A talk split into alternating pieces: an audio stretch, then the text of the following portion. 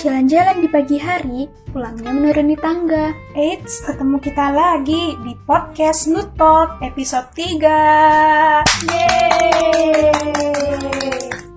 Halo sahabat Nutol, selamat datang di third episode of our podcast. Masih bersama aku Naila. Dan aku Nadia Amalia Jinan.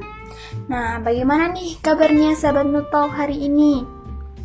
Semoga semuanya dalam keadaan sehat dan tentunya jangan lupa terapkan protokol kesehatan 5M ya, yaitu memakai masker, mencuci tangan, menjaga jarak, menjauhi kerumunan, dan mengurangi mobilitas. Oke, jangan lupa diterapkan ya. Um, di episode 3 kali ini yang merupakan episode terakhir dari Nutrition Talk with Nana, kita akan membahas terkait aktivitas fisik yang baik bagi lansia dengan hipertensi dan juga bagaimana pentingnya peran keluarga terhadap kesehatan lansia. Sebenarnya apa sih aktivitas fisik itu, karena dia? Jadi, aktivitas fisik adalah setiap gerakan tubuh yang dapat meningkatkan pengeluaran tenaga atau energi. Contohnya, berkebun, menyapu, membersihkan rumah, dan bermain dengan cucu. Oh, sedangkan kalau misalnya untuk kegiatan seperti berenang dan senam rutin itu apa bukan termasuk aktivitas fisik, Kak? Nah, kalau yang seperti itu disebutnya latihan fisik, Kak Naila. Jadi, bentuk latihan fisik yang terencana, terstruktur, dan berkesinambungan dengan gerakan tubuh yang berulang-ulang untuk meningkatkan kebugaran jasmani disebut latihan fisik. Contohnya, senam, jalan cepat, jogging, bersepeda, dan berenang. Nah, kenapa sih Kak melakukan aktivitas fisik atau latihan fisik itu penting untuk lansia hipertensi? Karena itu memiliki banyak manfaat Kak untuk lansia.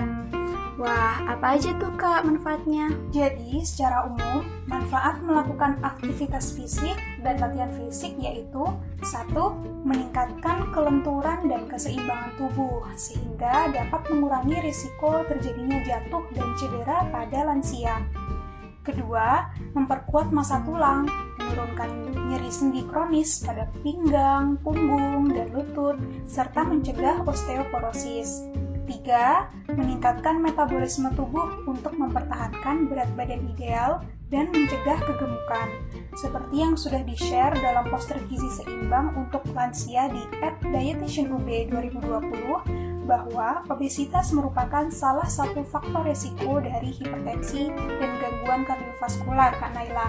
Oleh sebab itu, mempertahankan berat badan ideal menjadi hal yang penting dan tentunya jangan lupa untuk pantau berat badan secara rutin ya.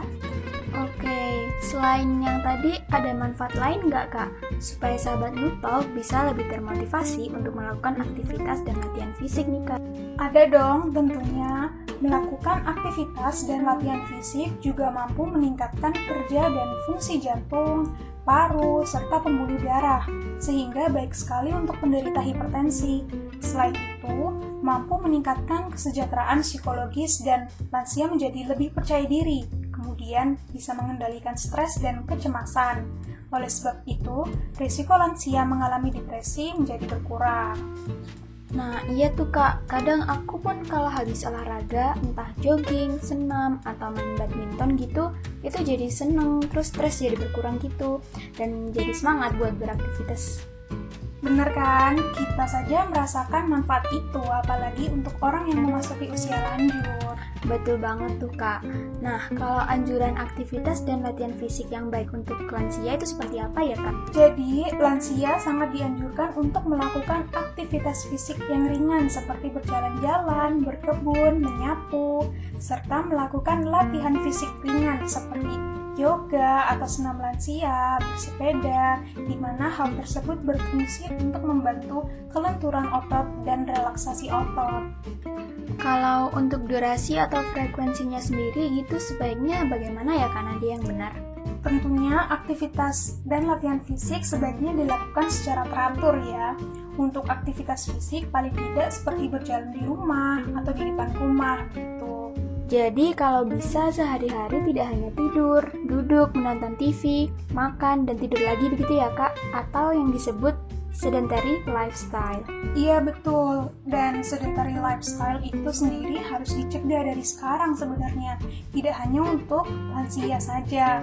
Ditambah kondisi saat ini yaitu pandemi, tentunya kita harus meluangkan waktu untuk beraktivitas fisik, di rumah, senam melalui televisi, atau peregangan, dan sebagainya. Betul banget kak. Kalau anjuran untuk latihan fisik bagi lansia itu bagaimana ya kak? Nah, untuk latihan fisik dianjurkan dilakukan sebanyak 30 sampai 60 menit per hari, minimal 3 kali seminggu, selang satu hari istirahat, karena mampu menolong penurunan tekanan darah. Kalau dari latihan fisiknya seperti biasa ya Kak Naila, Rangkaiannya yaitu pasti diawali dengan latihan pemanasan dengan peregangan selama 5-10 menit. Kemudian diikuti latihan inti selama 20 atau 40 menit. Dan diakhiri latihan pendinginan 5-10 menit. Nah, itu tadi kan terkait latihan fisik yang dianjurkan ya kak. Tapi ada nggak sih jenis-jenis latihan fisik yang sebaiknya dihindari dilakukan oleh lansia? Ada Kak Naila. Jadi, latihan fisik yang tidak dianjurkan untuk lansia yaitu latihan fisik lebih dari 60 menit, kemudian gerakannya melompat atau meloncat. Latihan beban dengan beban yang berat, latihan fisik yang mengganggu keseimbangan seperti berdiri di atas satu kaki tanpa berpegangan, karena dikhawatirkan akan menimbulkan resiko jatuh atau cedera di mana seperti yang kita ketahui bahwa pada lansia mulai terjadi penurunan fungsi tubuh. Jadi sebaiknya pilih latihan fisik yang aman begitu ya kak? Seperti yoga dan senam lansia. Iya benar. Nah, gimana nih sahabat Nutalk? Sudah mulai tergambar ya terkait manfaat melakukan aktivitas dan latihan fisik serta anjurannya. Semoga mulai ada motivasi untuk menerapkannya ya.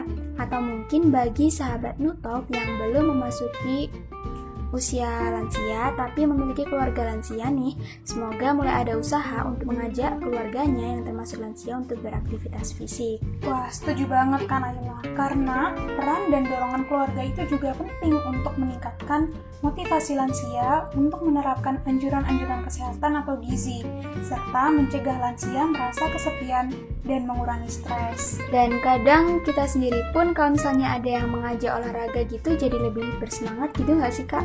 Iya bener banget Kak Naila. Aku pun kadang begitu. Sepertinya boleh nih kak kalau kita bahas sedikit mungkin tips-tips bagi sahabat Nutalk yang punya keluarga yang sudah memasuki usia lanjut baik orang tua maupun kakek neneknya. Kira-kira harus seperti apa kepada mereka ya?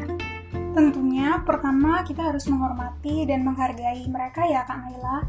Kemudian bersikap sabar dan memberikan kasih sayang serta menyediakan waktu dan perhatian supaya tidak merasa sendiri gitu ya kak? Iya kak Naila. Lalu meningkatkan dan mendampingi untuk memeriksa kesehatan secara teratur ke fasilitas kesehatan, entah itu posyandu, klinik, atau puskesmas, agar kondisi kesehatan tubuh tetap terkontrol dengan baik. Kita juga harus memberikan dorongan untuk tetap hidup bersih dan sehat, serta mengajak untuk melakukan aktivitas fisik bersama.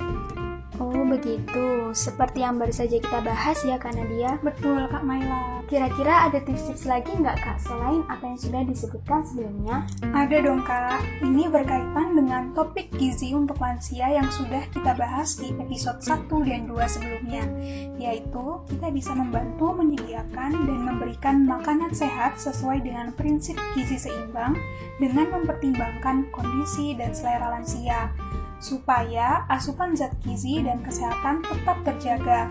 Apalagi kalau lansia menderita gangguan penyakit seperti hipertensi contohnya. Terakhir, yaitu sebaiknya sering berkomunikasi dan mengajak untuk mengobrol atau diskusi ya, karena hal tersebut sangat membantu untuk mengurangi stres pada lansia, sehingga mencegah terjadinya depresi. Wah, gimana nih sahabat Nutalk? Bermanfaat banget ya informasi yang kita dapat di episode kali ini. Gak kerasa kita udah sampai di episode terakhir rangkaian podcast dengan topik gizi seimbang untuk lansia hipertensi. Semoga apa yang kita obrolin kali ini bisa diterapkan ya sahabat Nutalk di kehidupan sehari-hari. Saatnya kami untuk pamit. Terima kasih sudah mendengarkan podcast episode 3 kami dan mohon maaf apabila ada kesalahan yang pernah kami ucapkan ya. Pulang olahraga dengan gembira, masih lanjut menari-nari. Aku Naila dan aku Nadia. Kami pamit undur diri. Sampai jumpa.